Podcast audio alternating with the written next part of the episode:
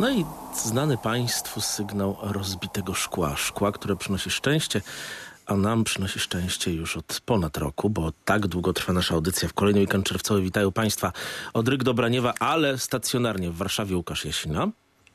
I stacjonarnie w Olsztynie Łukasz mm, Adamski. My y, chyba dwa razy razem nagrywaliśmy, ale, ale pani Jasina będzie jakoś w Olsztynie, to może wpadnie tym razem do studia Polskiego Radia Będziemy być może, e, ale jeszcze nie mówiliśmy tego panu, pa- panie prezesie i pa- pani redaktor naczelnej, pani naczelnej, redaktor naczelnej, że będziemy robili różne esy floresy, być może w lipcu, ale tak czy siak, proszę państwa, program nasz się będzie ukazywał również w trakcie wakacji, więc e, nie zaniedbamy, a mam, nie zaniedbamy państwa, a są pewne opóźnienia, bo trochę tych filmów będzie nam dalej przez wakacje wchodziło, Łukaszu, i w internecie, i w kinach e, zwykłych.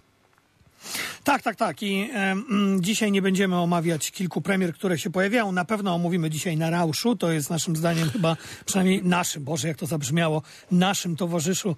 Naszym zdaniem. Słowo towarzysz ma To bardzo jest- piękne tak. staropolskie znaczenie. E, Będzie też Cruella, która jest taką pewną zaległością, bo ja wtedy się nie wyrobiłem, proszę Państwa, tydzień temu, bo Łukasz zdążył. Będziemy też mieli e, kącik amerykański, jak to my, Judah and the Black Messiah. Jakoś tak lepiej wchodzi mi amerykański tytuł oryginalny niż polski w tym wypadku. Ja dlatego, ja dlatego e, powiedziałem, em, że, że my, bo Judah and the Black Messiah, czyli Judasz i Czarny Mesjasz, to film o, komu, o komunistach po prostu, którzy są faworyzowani przez kino amerykańskie. Natomiast po, porozmawiamy też o Narauszu, ale na początek Ciche porozmawiamy miejsce. o filmie, który wszedł, tak, który wszedł tydzień temu na ekrany. E, Ciche Miejsce 2. mm, Film, e, który jest sequelem e, horroru z 2018 roku. Wielkiego, wielkiego, ogromnego sukcesu kasowego. Film zrobiony za 17 milionów dolarów przyniósł 341 milionów dolarów zysku. Film Johna Krasińskiego, mm, e, amerykańskiego aktora, e, nie wiem czy polskiego pochodzenia, On pewnie jest tak. polskiego pochodzenia, jak najbardziej, nawet się do tego przyznaje. I to nawet polsko-katolickiego, że tak się wyrażę, co w Hollywoodzie Tak, nie jest tak. częste. Natomiast John Krasiński, znacie go z The Office chociażby e, z, Mhm. z, sprzed lat i jest też reżyserem, scenarzystą bardzo cenionym. E, Dobrym, w sensie realizacyjnym, w sensie robienia dobrych rzeczy, które są jakoś takie nowatorskie i podchodzą do tego świata zupełnie inaczej. I czy tutaj się to udało, jeżeli chodzi o Tak, kinowość? ja jestem, ja jestem zupełnie, ja jestem bardzo zaskoczony, jak sprawnym, jak świetnym reżyserem jest John Krasiński. Przypomnijmy, Ciche Miejsce to był film e, taki postapokaliptyczny, Mhm. pierwsza część, który był oparty na bardzo prostym i jednocześnie genialnym schemacie. Oto e, mamy rodzinę, e, e, którą tutaj i Kra, Krasiński e, wciela się w jedną, e, w jedną z ról, Emily Blunt, dwójka, dwójka dzieci, nieletnich aktorów Millicent Simmons, głucho, nie, głucha aktorka i Noah Jupe i właśnie Sim, Simmons e, wciela się też w głuchą e, e, e, no, córkę tych, tych, tych głównych bohaterów. No i oni są zamknięci w jednym w zasadzie no, pomieszczeniu mm, i muszą przetrwać jakiś rodzaj apokalipsy. Tam dowiadujemy się w cichym miejscu, że chodzi o inwazję kosmitów, ale Inwazję kosmitów, która jest o tyle przerażająca, że kosmici kierują się głównie dźwiękiem, więc nie można głośno rozmawiać, nie można krzyczeć, nie można e, robić jaki, jakiegoś hałasu, bo od razu ściąga się tych kosmitów na siebie. To jest taka, e, taka mieszanka obcego predatora, tak, no, przerażające stwory. No, a na dodatek jeszcze, jeszcze bo- bohaterka grana przez Emily Blunt jest w ciąży.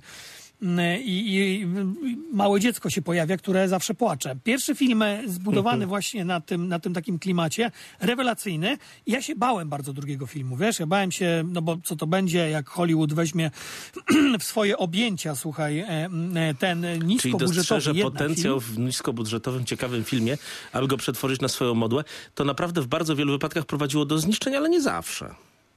I tutaj naprawdę tego zniszczenia nie ma, bo John Krasiński cały czas twardo ten film trzyma. To znaczy mamy pewną powtórkę z rozrywki, tak? No, bohater, jeżeli Państwo oglądaliście pierwszą część, to wiecie, że bohater grany przez Johna Krasińskiego ginie, poświęca się dla rodziny. To jest w ogóle taki bardzo prorodzinny horror. No i w drugiej części właśnie ta Emily Blunt z małym, z, z niemowlakiem i z dwójką dzieci e, musi opuścić to miejsce, w którym są ukryci mm, i, i gdzieś się przemieścić. Film w ogóle zaczyna się od od retrospekcji. Fantastycznie nakręconej. Widzi, I kiedy widzimy, jak kosmici uderzają w tą Ziemię, tego nie widzieliśmy w pierwszym filmie, zbudowana cała ta, mm, cała ta scena, wiesz, na, na reakcjach ludzi. To znaczy mamy małe miasteczko, mamy mecz baseballa e, e, dla dzieciaków, tak? Coś bardzo popularnego, coś bardzo amerykańskiego i widzimy na twarzach tych ludzi ten strach, kiedy oni widzą, że coś na niebie się pojawia, coś między chmurami się pojawia. Tak wręcz musieli wyglądać warszawiacy kosmici, we tak. wrześniu 1939 roku. Naprawdę, ja tego nie porównuję dla żartu. Porównałeś właśnie Niemców do, e, do, do potworów. Jak 1939 w piosence jak Kazika. najbardziej. Em, em, No i, i wiesz, i znów film jest zbudowany wokół tego samego schematu, tak? To znaczy e, ta cisza, granie ciszą. Ja ten film oglądałem w zupełnie pustym kinie, wiesz? Cieszę się, że... Znaczy chcę, żeby ludzie chodzili do kina, apeluję, chodźcie do kina. Ale, przyznasz akurat się, Łukaszu, że mieliśmy film- obydwaj takie marzenia, żeby sobie czasami kino było wyłącznie dla nas. I Mieliśmy przy tym filmie, filmie tak, w filmie, fi, w tym filmie właśnie, mm, e, e, no to było dla mnie idealne, tak? To znaczy ciche miejsce w cichym kinie, kiedy nikt mi tam nie przeżuwał nic i nie gadał, kiedy nie powinien. Świetnie się to oglądało. Mm, Wiesz, film, e, tak jak już mówiłem, no, który bazuje na, tej sam, na tym samym schemacie. Tam się pojawia też mężczyzna, Cillian Murphy go gra, mm, e, tam się pojawiają inne e, postacie. Natomiast wiesz, co jest dla mnie ważne w tym filmie, to jest znów bardzo prorodzinna opowieść.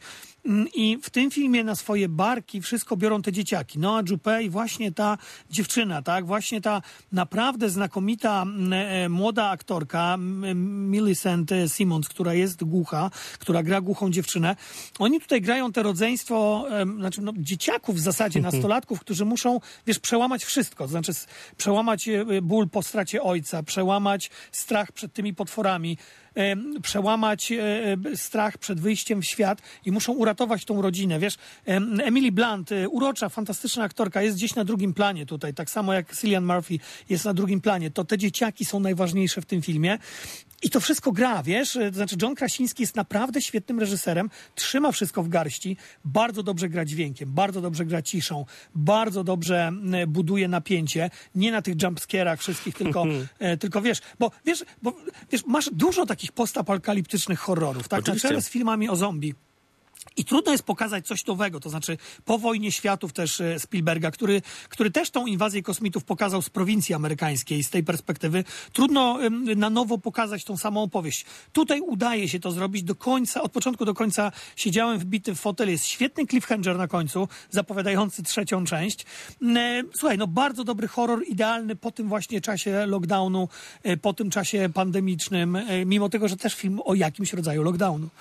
Jakimś rodzaju lockdownu i, i ja się dołączam do tego, co Łukasz mówi, chociaż a dzisiaj zrobię coming out. Przyznam się, że filmu jeszcze nie widziałem i dopiero Łukasz mnie do niego zachęcił. E, ale ja od dawna podzielam opinię, że John Krasiński jest e, niesamowicie dobrym rzemieślnikiem i dobrym reżyserem. Mm, To jest też facet o niesamowitym poczuciu humoru i moim zdaniem to jest ktoś, kto teraz, on jest w naszym wieku mniej więcej, będzie miał swoją dekadę w Hollywoodzie. Bo on łączy, e, on trochę jest takim Rossanem Wellesem. Umie dobrze reżyserować dobre filmy przy jednoczesnym zarabianiu na życie dzięki graniom w różnych filmach różnych innych reżyserów. E, Ale słuchaj, Cillian Murphy po 40 staje się, jak widzimy, aktorem bardzo wypozycjonowanym, jeżeli chodzi o takie ciemne sprawy. To jest taki, o, taki, o, taka odmiana jego kariery, której się nie spodziewaliśmy. Nie spodziewaliśmy się 20 tak, lat tak. temu. I wiesz, i on gra tutaj, on gra tutaj faceta, jego poznajemy w ogóle w pierwszej scenie tego filmu jako właśnie rodzica, który z tymi dzieciakami siedzi, em, siedzi z rodziną właśnie tutaj Krasińskiego i Blunt, siedzą razem na tym meczu, sobie rozmawiają, a później go widzimy z brodą e, takiego zarośniętego po 400 iluś tam dniach od tego ataku kosmitów, m, e, który, faceta, który stracił swoją rodzinę, który, który ma mrok wielki w sercu, który, e, który nie wie, czy chce ratować innych ludzi, czy chce się wycofać. Bardzo też dobrze napisana postać. Masz rację, znaczy Krasiński, m, Krasiński jest bardzo ciekawym reżyserem, bo jest jednocześnie człowiekiem komedii, jest człowiekiem właśnie z The Office, który tak reżyserował człowiekiem też wiele telewizji odcinków. amerykańskiej, to dalej jest człowiekiem tej amerykańskiej telewizji i też człowiekiem, który reżyserował obyczajowe komedie rodzinne. W też filmy rodzinne, ale jednak zupełnie inne niż ten, prawda? I nagle te jego komedie rodzinne sprzed dekady stają się teraz horrorami. I jestem też ciekaw, wiesz, na ile właśnie to, co podkreślałeś, ten jego katolicyzm, czy wycho- katolicyzm, bo nie jest jakoś człowiekiem, który by mówił o swojej religijności, ale człowiek, który jednak wychował się w katolickiej Ale też tradycji. Polacy, Żydzi, a to jest Irlandczycy. Włosi mogą być nawet ateistami, ale tradycja ma jednak znaczenie.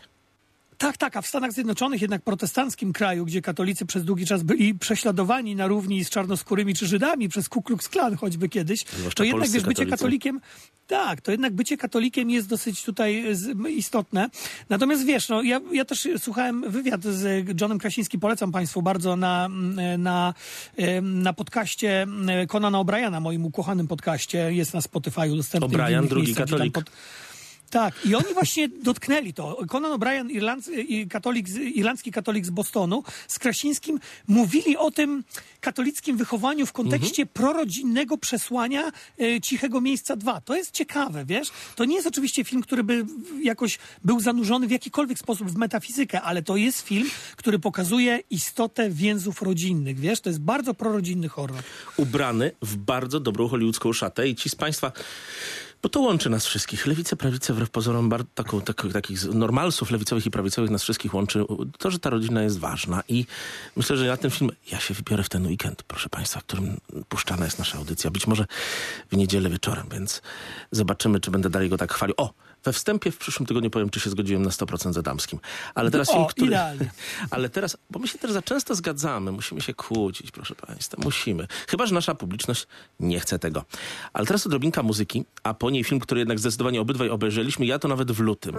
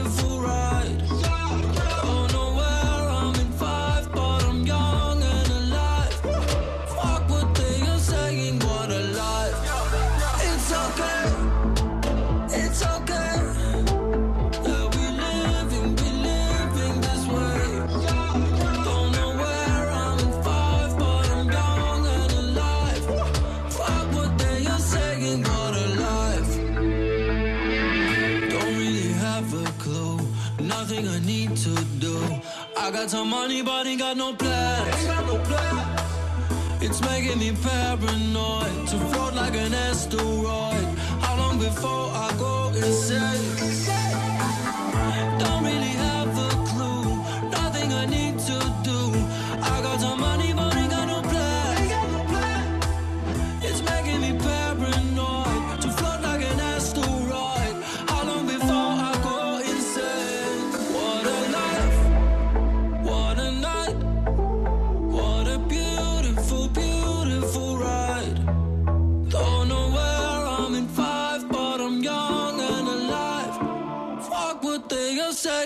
alive.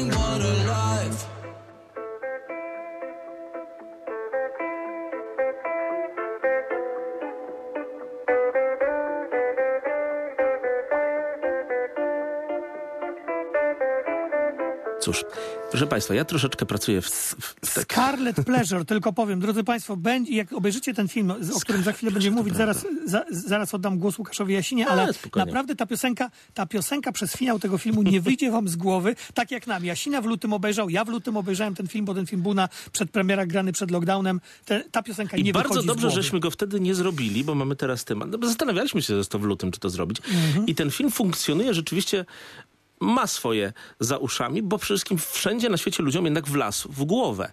I nie tylko piosenka, ale cały ten film. I wiesz, ja pracuję w takiej sympatycznej instytucji zajmującej się kwestiami międzynarodowymi i wiem, co to znaczy marynowanie się w alkoholu. I ten film pokazuje właśnie taki stan, którym bardzo teraz mocno tkwi cała Europa, ta rozwinięta, ta bogatsza, który tutaj został określony jako słowo na rauszu. To jest pozytywne określenie upojenia alkoholowego, prawda? Jak ktoś jest na rauszu albo jest wypity, to znaczy, że jest owszem pijany, ale bez przesady, że źle, nie krytykujemy go za to. Są przyjemne stany alkoholowe. I to jest bardzo triki film, który przez niektórych został odebrany wręcz jako apologia tego, że nie da się w obecnych czasach przetrwać na trzeźwo. E, To jest w ogóle bardzo ciekawe. Właśnie to, co, to, co mówisz z tym tytułem. e, co, to jest, ja już zaczynam mówić jak, jak amerykańscy wiesz, radiowcy. To jest bardzo ciekawe, co mówisz. Powiedz mi więcej. Ale wiesz co, e, z kolei z mojej strony to się tak mówi, kiedy... Sorry, ale wiesz Łukasz, szudrogi, jak się tak komuś mówi w mojej branży z kolei, to to oznacza, że wcale nie chcesz słyszeć tego, co on mówi. Więc wiesz... A ja chcę słyszeć to, co mówisz. Ja tak. Mhm. nie, no powiedziałeś bardzo ważną rzecz, że to jest film, którym polski tytuł ma na rauszu. On ma bardzo dużo różnych tytułów, bo to jest duński film, więc w różnych krajach funkcjonuje pod Mhm. Bo różnymi w różnych tytułami. krajach się Oryginalny bardzo tytuł, różnie przyjmuje ten środek do ustny Tak. zwany alkoholem. Tytuł, e, tytuł oryginalny to jest drug, e, więc ja nie wiem, czy to jest od drunk, od, od, od, od, od pijaństwo. Nie, nie wiem, czy, czy, czy po duńsku to znaczy, natomiast e, to samo. Natomiast amerykański tytuł, angielski tytuł to jest Another Round, kolejną rundkę, kolejnego strzała, tak? To jest też bardzo znamienne. Ja bym dał Film tytuł opowiadający... Polejmy jeszcze. Polejmy. Ale to, co na rauszu, to jest dobry, to jest, to jest dobry tytuł. I przywraca takie dobre słowo tego- Tak. rausz, które w Polsce powoli zanika, a jest sympatyczne. Bohaterowie tego filmu, m, e, no panowie po 40, przed 50, nauczyciele z m, Dobry liceum wiek, e, duńskiego. dobry wiek. E, postanawiają e, sprawdzić tezę norweskiego naukowca, który dowodził, że człowiek rodzi się e, z niedoborem procentów alkoholowych we krwi. I kiedy tak sobie strzeli pół procent tego alkoholu, to będzie funkcjonował w taki sposób, jak funkcjonować powinien. I oni postanawiają z różnych powodów zastosować się do, do tych zaleceń. Główną, post, główną postać tutaj, tutaj gra em, Mikkelsen, duński aktor, którego znamy już w Hollywood, e, znaczy Hollywood go zna, e, wróg Bonda, Hannibal Lecter, e, znakomity aktor. Mm, No i on tu wciela się właśnie w nauczyciela historii, który stracił zapał do, nau- do, do uczenia historii, który W stracił ogóle ten stracił ogień. zapał do życia. Kryzys wieku średniego po prostu w filmie jak ta lala. Tak, i postanawia, mm, postanawia z kolegami właśnie spróbować. No i kiedy zaczyna pić, no to wtedy mm, zaczyna mu się świetnie prowadzić lekcje, zaczynają mu się układać relacje z żoną. E, tyle, że w pewnym momencie widzi, oni cały czas powiększają tą dawkę. Każdy z nich, z tych bohaterów, inaczej, inaczej to przyjmuje. Jedna postać jest bardzo tragiczna, kończy fatalnie. Film, e, zacznijmy też od, zacznijmy, znaczy powiedzmy to, że to jest film w reżyserii e, Tomasa Wintenberga, Winterberga. czyli reżysera, który stworzył razem z Larsem von Trierem manifest Dogma Ale jest już 95. 25 lat po tym manifestie, znaczy 25 lat po realizacji filmów, które on robił i Fonty robił i nikt z nich nie jest już tej dogmie wierny. To znaczy przede wszystkim Nie, jest tak. wierny jej w sensie technicznym. To są filmy jednak doświetlone i zrobione dobrze pod względem rzemieślniczym, ale w dalszym ciągu widać wyraźnie, że pewne elementy historii, narracji, którą miała dogma uprawiać, którą manifest przewidywał, są w tym filmie. Są w tym filmie i to jest też, ja się zastanawiam, wiesz, na ile ten film e, został, e, został naznaczony osobistymi przeżyciami Wintenberga. On w trakcie realizacji stracił córkę. Ona zginęła w wypadku. Córka, która miała zagrać zresztą w tym filmie i e, córka, która bardzo chciała, żeby on ten film zrealizował. On go dokończył. Nie wiem, na ile ta śmierć córki wpłynęła na to, że albo rozmiękczony został przekaz, albo nie. To znaczy istnieją różne teorie. Mówi się, że troszeczkę został rozmiękczony, że ta postać tego alkoholika, wiesz, tego, znaczy tego nauczyciela, który popada w alkoholizm i fatalnie kończy, została wprowadzona jednak po tym, jak tragedię przeżył sam Wintenberg, że nie chciał robić filmu zupełnie, może nie nihilistycznego, ale takiego naprawdę, naprawdę filmu y, y, y, jakoś tam celebrującego pijaństwo. I trochę ciężko jest nam po obejrzeniu tego filmu i pewnie Państwu też stwierdzić, jak to jest naprawdę. Czy to jest film celebrujący pijaństwo, czy jednak nie. Bo gdyby nie było rzeczywiście złego końca, który w tej chwili trochę Państwu spoilujemy, to byłby to film pokazujący, że w gruncie rzeczy to jest dobry stan. Tak jak powstają też czasami w tej chwili filmy, w których wszyscy są upaleni albo ućpani jakiegoś rodzaju mefedronami, yy, pokazujące, że nasze czasy są na tyle straszne, na tyle nieciekawe, że właściwie nie jesteśmy w stanie przetrwać ich na trzeźwo. Tylko, że wiesz co, ten, ten koniec jest też bardzo otwarty. Tam jest ten, tam jest ten taniec, o którym Tak ja jest. mówiłem, e, właśnie Mikkelsena. On jest zresztą tancerzem e, wykształconym, znaczy on, on, on, on, jest wytrenowanym tancerzem. Wspaniały jest ten taniec, który jest bardzo dwuznaczny. To znaczy ten, to, co tam się dzieje na końcu w tej, w tej właśnie scenie, to jest bardzo dwuznaczne. No, Wiesz, kiedy oglądamy film o alkoholizmie, rozmawialiśmy nie tak dawno o filmach o alkoholizmie w TVP Kultura, a właściwie dopiero będzie film, który, e, o którym rozmawia, rozmawialiśmy, czyli Pętla Hasa. Film bardzo tygodni. jednak tak, za kilka tygodni film bardzo ważny. Później i Smarzowski, i Koterski robili różne filmy o alkoholizmie. Natomiast jak Amerykanie opowiadają o alkoholizmie, no to, oni, zauważ, jednak moralizują. Tak, i to się musi skończyć dobrze. Najsłynniejszym filmem e, alkoholowym jest Ciągle Stracony Weekend, który powstał w 1945 roku. Tam grał taki walijski aktor Ray Milland, początek tej dynastii Walijczyków, którzy zawsze walili mocno w kino swoimi rolami. Potem był Richard Barton i Anton Hopkins jest teraz. I on tam nie wyszedł do końca z tego nałogu i to było w Ameryce bardzo skrytykowane, mimo tego, że film dostał Oscara. Ale tutaj właściwie mamy etap pośredni. Alkohol nie jest czymś takim od razu złym, a w Polsce jednak mimo wszystko Smarzowski i Has przywalają, że alkohol jest zły, bo my jesteśmy krajem naprawdę z gigantycznym problemem alkoholowym, o czym często zapominamy. A Skandynawowie, mimo tego ogromnego problemu, który też sami z tym wszystkim mają, pokazują, że alkohol ma różne strony, bo czasami warto być pijanym. Ale wiesz, właśnie, d- słuchaj, tak, no, Duńczycy mają ogromny problem alkoholu i to, to jest, ten f- Na Rauszu jest filmem problematycznym w pewnym stopniu. To znaczy, ja oglądając ten film sam miałem takie, takie y, pewne problemy z odbiorem tego filmu. Tam jest na przykład postać y, y, ucznia, e, który bardzo boi się egzaminów i któremu nauczyciel mówi, który bierze udział w tym eksperymencie, mówi, słuchaj, golnij sobie. I on strzela sobie jednego, drugiego strzała przed egzaminem i zdaje ten egzamin. I koniec. To znaczy, jakby co nam mówi Wintenberg tym filmem? No, czasami jednak trzeba sobie wypić. E, e, wiesz, i to jest siła tego filmu. To jest siła tego filmu, że to nie jest film moralistyczny. To znaczy, to nie jest taki film jak wspaniałe filmy skądinąd, jak Zostawić Las Vegas Hidgisa e, z Oscarowym Nicolasem Cage'em. ja jak, jakoś nie lubię, mimo tego, że lubię generalnie Nicolasa Cage'a. Ale masz tutaj rację. Tylko, że wiesz, ten film nam pokazuje, że eksperymenty, cyniczne do nich podejście, alkohol i różne używki to są takie rzeczy, które są bardzo osobnicze. Jednemu uda się golnąć sobie od czasu do czasu i będzie fajnie, miło i sympatycznie, tak jak liczę, że sobie golniemy u ciebie na ganeczku, ale... Ojoj, nie wolno takie rzeczy mówić. E, Herbatę Porczu, oczywiście. Na porczu, tak, na porczu. tak. Ja mam amerykański porcz. No, mówię jednak ganeczek, ale, bo to bardzo podobne jest, a, a inni, wiesz, mogą sobie golnąć raz, golnąć dwa razy, inni ich poklepią, będzie wszystko dobrze, niuchną, chuchną i będą nałogowcami, którzy sobie zniszczą życie.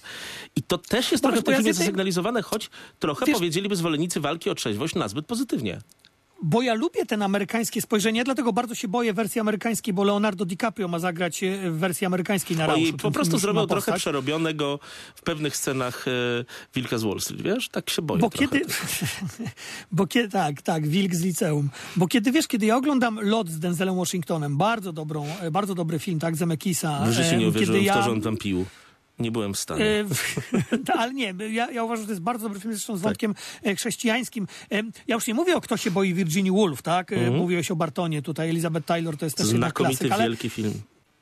Tak, ale Amerykanie, wiesz, jednak patrzą na ten alkohol przez pryzmat, e, mimo tego, że to jest kraj, który odszedł bardzo od wartości jakichś chrze- chrześcijańskich, ale to jest wciąż purytański w dużym Był stopniu to kraj. kraj, Znaczy, który wprowadzi, państwo, które wprowadziło 100 lat temu niemalże prohibicję na terenie całego państwa. Amerykanie Tak. byli w stanie wykonać takie numery, oczywiście nigdy nie przestrzegano. Tu możemy... To, jak się zasłużyła ta prohibicja amerykańskiej kulturze i filmowi, to to jest zupełnie inna sprawa. A tutaj jest właśnie ten etap pośredni. I wiesz co, ja nie wiem jakie państwa będzie wrażenie po tym filmie. Ja jednak uważam, że o, y, duńska wersja jest najlepsza w tym momencie. To znaczy oni nie mają tej, ciemno, tej ciemności ogarniającej alkoholika, którą mają filmy wschodnioeuropejskie. Ten alkohol jest jednak elementem radosnym, ale ostrzegają, że to się może źle skończyć. Tak, i mówią e, o, o człowieku, któremu powinni dedykować ten film, czyli o Winstonie Churchillu, który cały czas na, na bani Był chodził. jednak i wygrał był- wojnę z i był- Hitlerem. Który nie wygrał pił, wojnę z Hitlerem. proszę państwa. Tak. No dobra, no to co? To chyba, to chyba polecamy na Rauszu bardzo mocno i Bardzo, zaraz bardzo przechodzimy do Disneya. Tak, jak już mówimy o alkoholu, to pójdźmy dla, do filmu o dzieci, dla dzieci. W Tak. filmach Disneya przydałoby się zdecydowanie więcej alkoholu, ale to już po muzyce.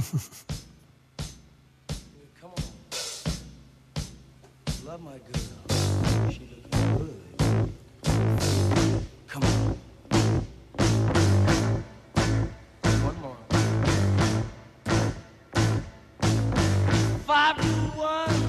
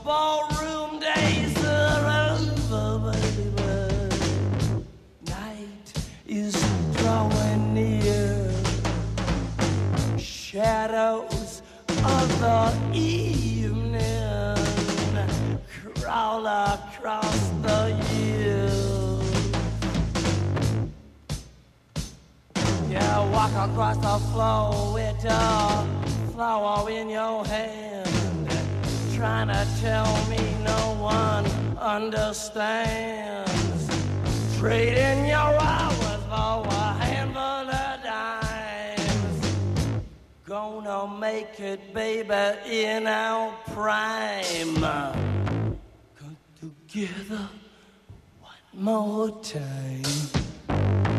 Get together one more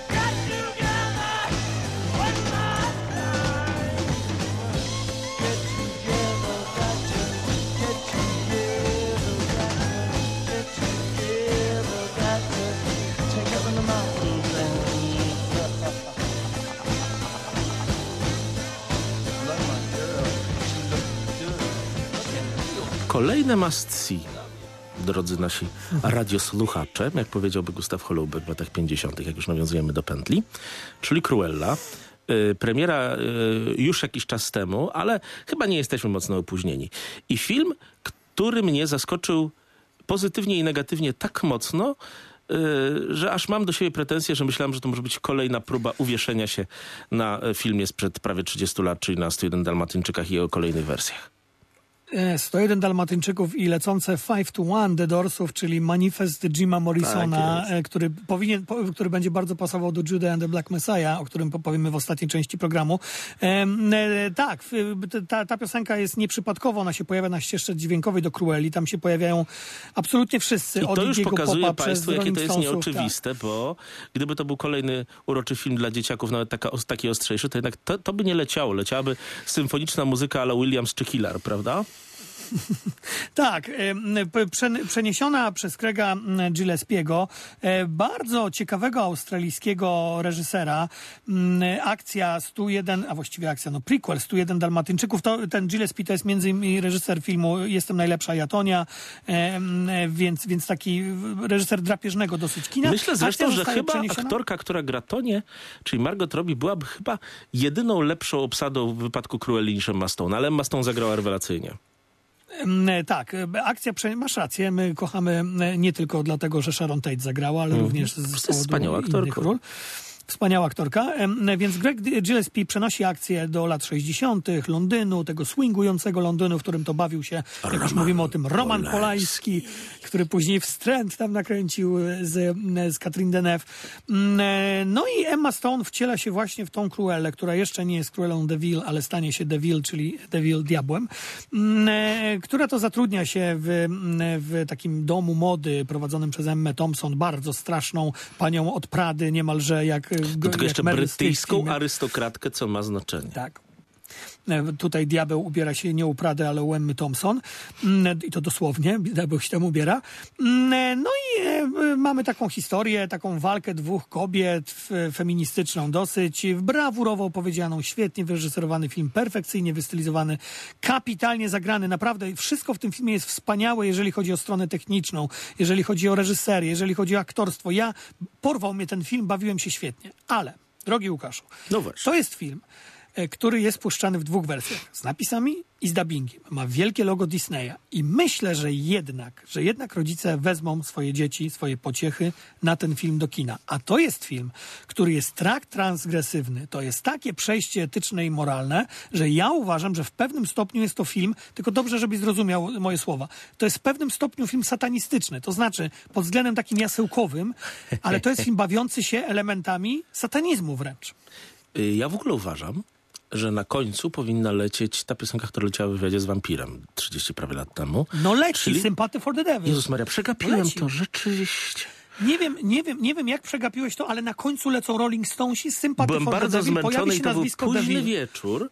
Piotr Zaręba potwierdzi, że raz przegapiłem, e, przysypiając pod koniec odcinka Nowego Papieża, że kardynał Wojelo został papieżem.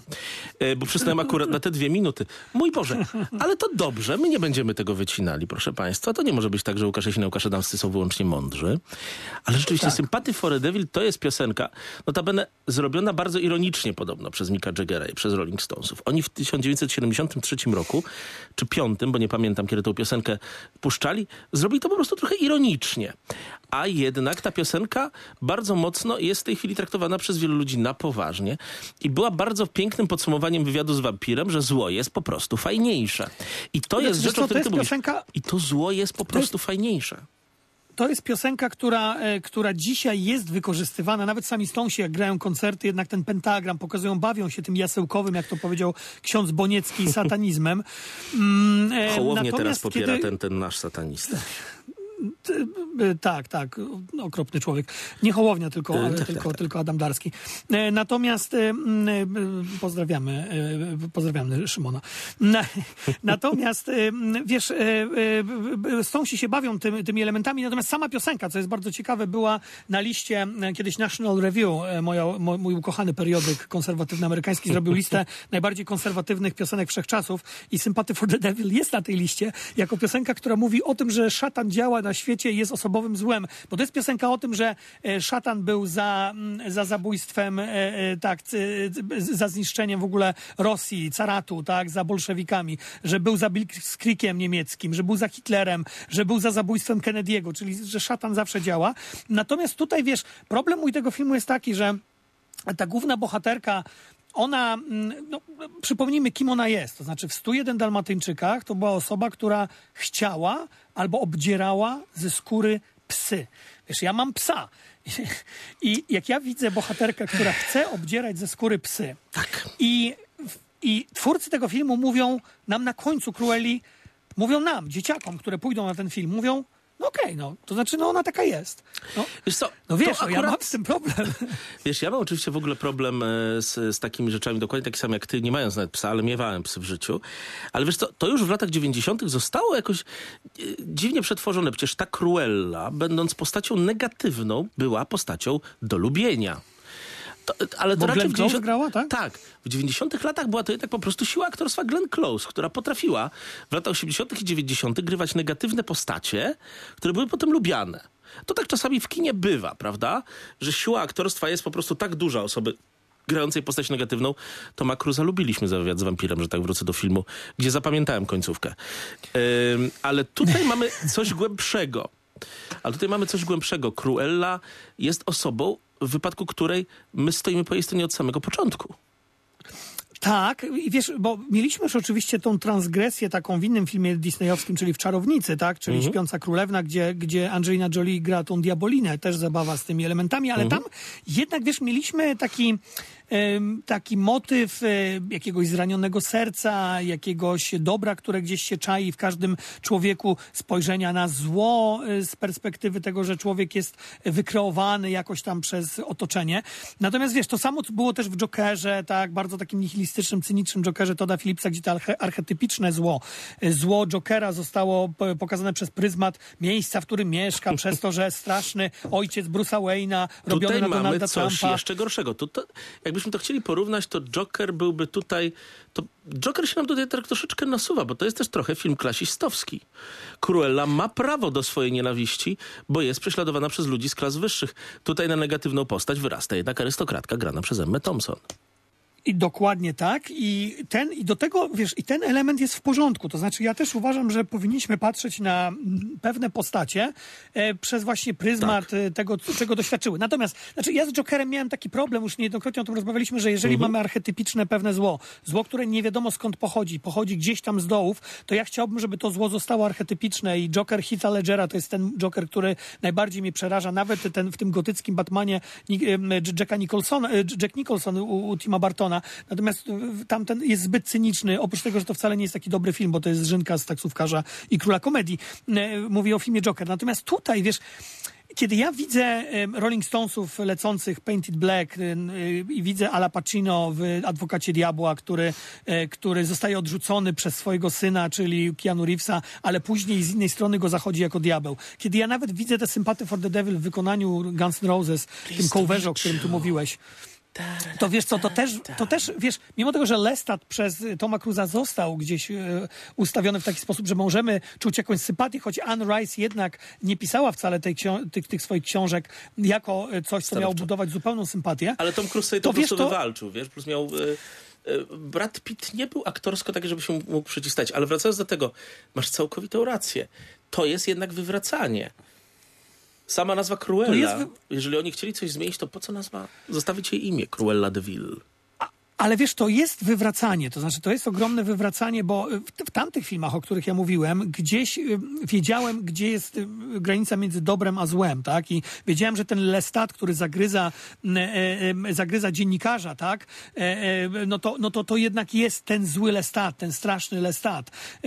Natomiast tutaj, wiesz, widzę ostatnią scenę, widzę Cruellę, która ze swoim tym otoczeniem, zresztą też fantastycznie, e, fantastycznie aktorsko, między innymi z, aktorem, który, który, który przecież u Clint'a Eastwooda w Richardzie Jewelu e, e, błyszczał. Oj, tak. Mm, e, nat- tak, natomiast wiesz, natomiast patrzę na to i mówię sobie, no co rodzic ma powiedzieć dziecku, z którym pójdzie na ten film? Znaczy ma powiedzieć, słuchaj, ta Cruella, która później chce zabijać dalmatyńczyki, chce zabijać e, pieski, chce zabijać e, zwierzątka, e, no ona taka jest po prostu i nie ma absolutnie żadnego morału w tym filmie. Wiesz, zakręcą sequel, więc ja jestem ciekaw, co będzie w drugim filmie. Natomiast ja mam problem etyczny i moralny z tym filmem. To znaczy uważam, że to jest pójście o krok za daleko. To znaczy ta transgresja w kinie dla dzieci disneyowskim jest jednak przesadą. I wiesz, zauważ, to się dzieje w kinie coraz mocniej. Teraz jest serial Loki, którego jeszcze nie możemy oglądać, bo nie ma Disney Plus w Polsce. Ale już Armand White, jeden z moich ukochanych krytyków filmowych, czarnoskóry, krytyk gay, e, zresztą, który pisze w National Review, e, napisał, że, e, że takiego bałaganu moralnego jak w Lokim Avengersowym, też, też serial Disneya, i takiego cynizmu i nihilizmu nie widział dawno w żadnej produkcji o Avengersach. Bo drodzy Coś się dzieje z tym państwo, kinem wielkim. bo drodzy państwo, ale dzieje się też coś dobrego. Na lewicy, nie tylko na prawicy, ale na lewicy też odzywają się głosy, że może byśmy jednak uporządkowali ten system moralny. Yy, Bo jednak yy, zmienia się to zbyt mocno, zbyt twardo, a Hollywood jednak lepszy jest, gdy yy, popiera dobro. Disney w ogóle, słuchaj, musimy kiedyś sobie zrobić wejście o Disneyu. Disney w ogóle staje się jakąś taką dziwną wytwórnią, jeżeli chodzi o puszczanie różnego rodzaju filmów.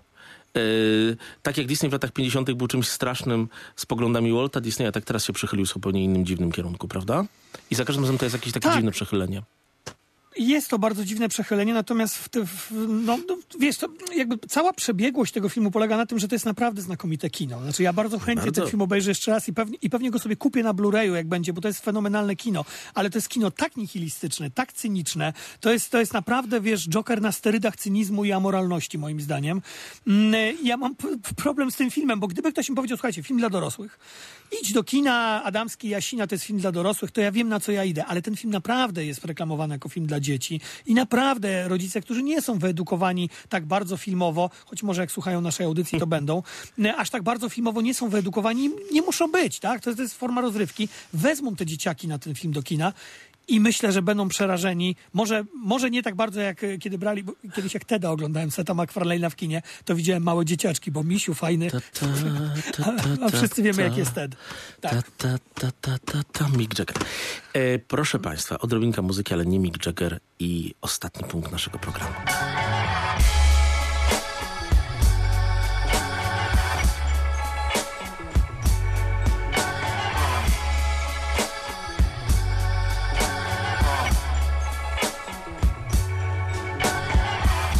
Nineteen forty-eight, Chicago, Illinois. A young Panther was born. He became a man when he was just a little boy. Excellent athlete. He excelled in the classroom too. How supreme actions speak. That's when his passions grew. Racial injustices, poverty, slavery. He went to college, studied law, then joined the NAACP. A lot of bad things happen. People need to have answers. Why should he keep asking? So he joined the Black Panthers, have a mission, the system. In fight, try to get order. Fight capitalism and socialism. Fight fire with water. The right cause, a good plan that requires understanding. The life cause and a good man, the Black Messiah Fred Hampton. Przejawia pewne problemy etyczno-moralne dla mnie jako dla historyka. Judah and the Black Messiah, film o czarnych panterach, bardzo ważna kwestia historyczna dla Stanów Zjednoczonych. Film, gdzie e, osoba, gdzie były dwa, dwie nominacje do Oscara za rolę drugoplanową. Bardzo się starali, żeby Chadwick dostał tego Oscara, a nawet usuwając innych czarnych aktorów. Film niesamowicie ciekawy, ale dla mnie bardzo ryzykowny, jeżeli chodzi o kwestie moralno-historyczne. E, Mamy koniec lat 60. i powstają partie polityczne, częściowo też te terrorystyczne, które starają się reprezentować interesy czarnych Amerykanów. Tak, e, Daniel, mm, e, Daniel e, Kuluja mm, tego Oscara dostał za drugoplanową rolę Mm, i on tutaj gra Freda Hamptona i no, dobra, znów, tak jak przy Cruelli, zacznijmy od tych pozytywów. To jest naprawdę ciekawy Bardzo thriller. dobrze wykonany, świetnie zagrany film. Świetnie zagrany. Tak, świetnie, świetnie zagrany film, bardzo, bardzo ciekawy taki thriller, troszeczkę jak infiltracja Martina Scorsese, no bo jednak mamy postać tutaj agenta, który FBI, to znaczy współpracownika mm, FBI, który... I agenta FBI e, gra ten taki aktor, który zawsze grywa nierozgarniętych, pozytywnych. Tak. Cudownie Jesse zresztą tutaj Plemons. gra, bo ma też w sobie taką ciemność silną w środku. I proszę Państwa, Martin Sheen gra J. Edgara Hoovera. Może to Państwu zaspoilować. Myślę, że niełatwo go będzie poznać. E, Niełatwo go będzie poznać, chociaż ja miałem pewien problem z tym jego makijażem. To jest też aktor o bardzo mocno lewicowych poglądach, mimo tego, że bardzo też e, e, przyznający się do swojego katolicyzmu, Mm, więc w tym filmie nic dziwnego, że zagrał Williama O'Neilla, mm, tego agenta FBI, Lekit mm, Steinfeld w niego się wciela i on właśnie na zlecenie FBI, to jest taki drobny złodziejaszek, on na zlecenie, taki cwaniaczek, on na zlecenie FBI zaczyna penetrować, zaczyna infiltrować właśnie, właśnie Czarne Pantery. I to jest dobrze opowiedziana historia, tak? Znaczy e, film taki troszeczkę, pamiętasz jak ty lubisz film Spike Lee Black Clansman, e, który opowiadał o czarnoskór, o, o, o Żydzie, który, e, który infiltruje razem z czarnoskórym Ku Klux Klan. I tutaj troszeczkę jest w drugą stronę też po, Tak, ale podobnie. obydwa filmy mają w sobie coś niesamowitego. To znaczy postanawiają wywrócić sposób patrzenia się na amerykańską historię, bo jednak jeżeli chodzi o historię e, przemian e, walki o prawa obywatelskie w Stanach Zjednoczonych, to pozytywną postacią, formalnym symbolem jest Martin Luther King. E, Są ci, którzy jednak pokojowo budowali pewne sprawy w latach 60., a w Czarnym Bractwie i tutaj to się jednak wywraca. Mamy Black Power, Black Power, Black Power. Oni są dobrzy. E, Sza, tak, to jest w ogóle debiut, e, debiut e, Sh- Shaki King, e, reżyserki. To jest, wiesz, więc tutaj te, te, te, też mamy ten, te, ten, ten motyw kobiecy. Natomiast wiesz, no, cały problem tego filmu polega na tym, troszeczkę tak jak było w przypadku Cruelli, tam mieliśmy e, celebrowanie zła, które kiedyś było czystym złem disneyowskim, a teraz mamy celebrowanie człowieka, Freda Hamptona, który był e, nie tylko zwolennikiem Che Guevary, bo dzisiaj Che Guevara jest traktowany w infantylny sposób, choć to był facet, który popierał istnienie obozów e, koncentracyjnych, również dla homoseksualistów na Kubie, chciałem przypomnieć drogim rewolucjonistom, którzy go mają na, na koszulkach. Ale Rodzina wiesz, to był Castro do facet, pewnego momentu potwornie zresztą gejów prześladowała, a teraz nagle zmieniła zdanie. To tak prawda, że Ale to jest jednak, wiesz, to jest jednak człowiek, który popierał, który sam się nazywał marksistą, leninistą i on popierał Ho Chi Minha i Mao Zedonga, to znaczy Cedonga, to znaczy, wiesz, no popieranie Ho Chi Minha, obrzydliwego mordercy, ludobójcy y, z północnego Wietnamu w czasie wojny w Wietnamie, to już nie były protesty hipisów przeciwko interwencji amerykańskiej w Wietnamie, to Wiesz, było popieranie tu- komunistycznej Tu, armii. mój drogi, pamiętamy o tym, e, inni szatani byli tam czynni, jak napisał pewien klasyk XIX-wieczny, który został przetworzony przez XXI-wiecznego klasyka polskiego, bo tam były różne inspiracje, słuchaj, też e, służb specjalnych sowieckich i też niezrozumienie tego, e, czym jest komunizm. Tak jak my w Polsce, nie, niektórzy nasi politycy wybaczali Pinochetowi, prawda? Tylko dlatego, że walczył z komunizmem. Em, Ten film pokazuje, jak dalece można zapomnieć się w rozumieniu sytuacji. Reżyserce chodzi jednak przede wszystkim o idealizację Czarnych Panter, o pokazanie, że to oni mieli rację. I robi w wielu sprawach bardzo dobry kawał roboty, to znaczy pokazuje skąd to się wzięło, jak wyglądały te czarne przedmieścia Chicago Poczekaj, w tym wejdę ci momencie. w słowa. Wchodź, wejdę ci w słowa. wchodź. D- Drodzy Państwo, y, tym razem Adamski się rąbnął i pokazał swoją ignorancję. Shaka King to mężczyzna. E, Bardzo przepraszam. Ale nie, to takie wszystkim... Tak mi się skojarzyło, tak. Nie, nie wiemy, jakiej e, płci tak naprawdę jest reżyserka. No tak, w sumie tak, Tak. dokładnie nie wiemy. Ale tak, widzicie, tak, proszę ale Państwa, King- ja się bardzo cieszę, że Adamski też już nie googluje. No to, teraz poglował, ale wracając.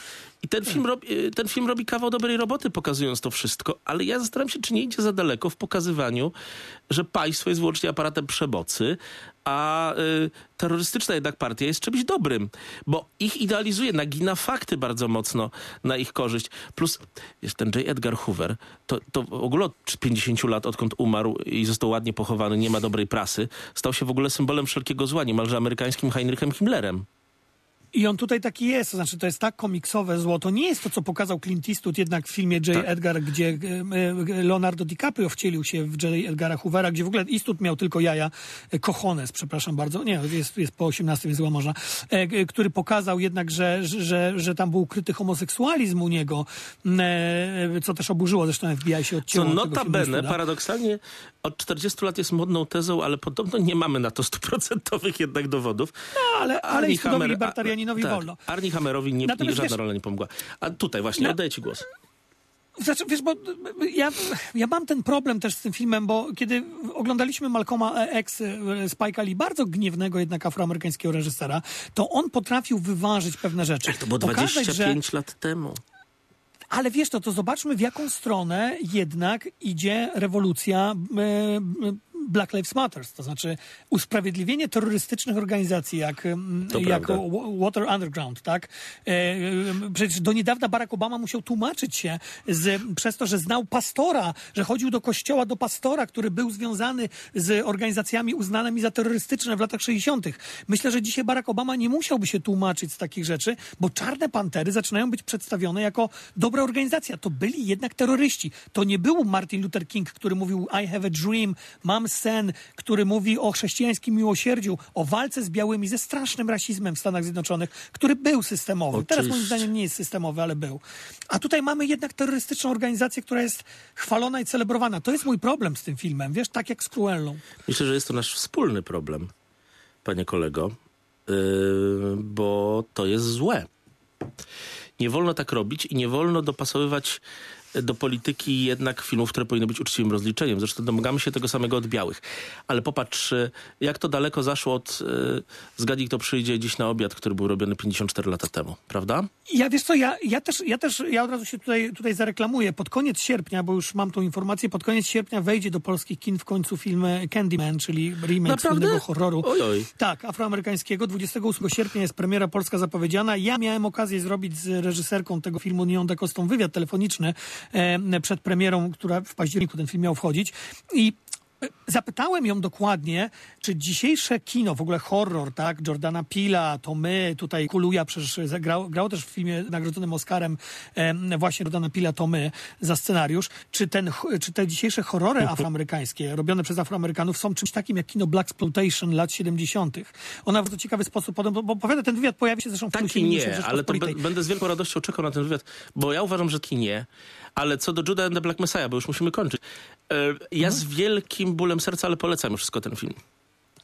Ja też go bardzo polecam. Nie, ja tylko mówiłem o tym Black Exploitation, bo chodziło mi o to, że Black Exploitation to było kino lat 70., które Mhm. No właśnie, wpisało właśnie. Mhm. się w rewolucję jednak Czarnych Panter, ale to było kino w jakimś nawiasie. To było kino, które później zostało przerobione przez Quentina Tarantino. Plus zostało szybko też skomercjalizowane, wiesz, różnych szaftów. A, te, a tutaj mamy marksistę, leninistę, komunistę popierającego, drodzy Państwo, Ho Chi Minha. No sprawdźcie sobie, kim ten okropny człowiek e, był e, z Jane północnego Fonda Wietnamu. też popierała, ale przeżyła i się zrehabilitowała. No tak, masz rację. W Hanoi Hilton robienie sobie zdjęć przy, czy przy, przy więzieniu dla amerykańskich żołnierzy. Proszę Obrzydliwe, ale film, po, film polecam też. No cóż, krytyka swojego kraju jest teraz modna, zwłaszcza wśród elit społecznych.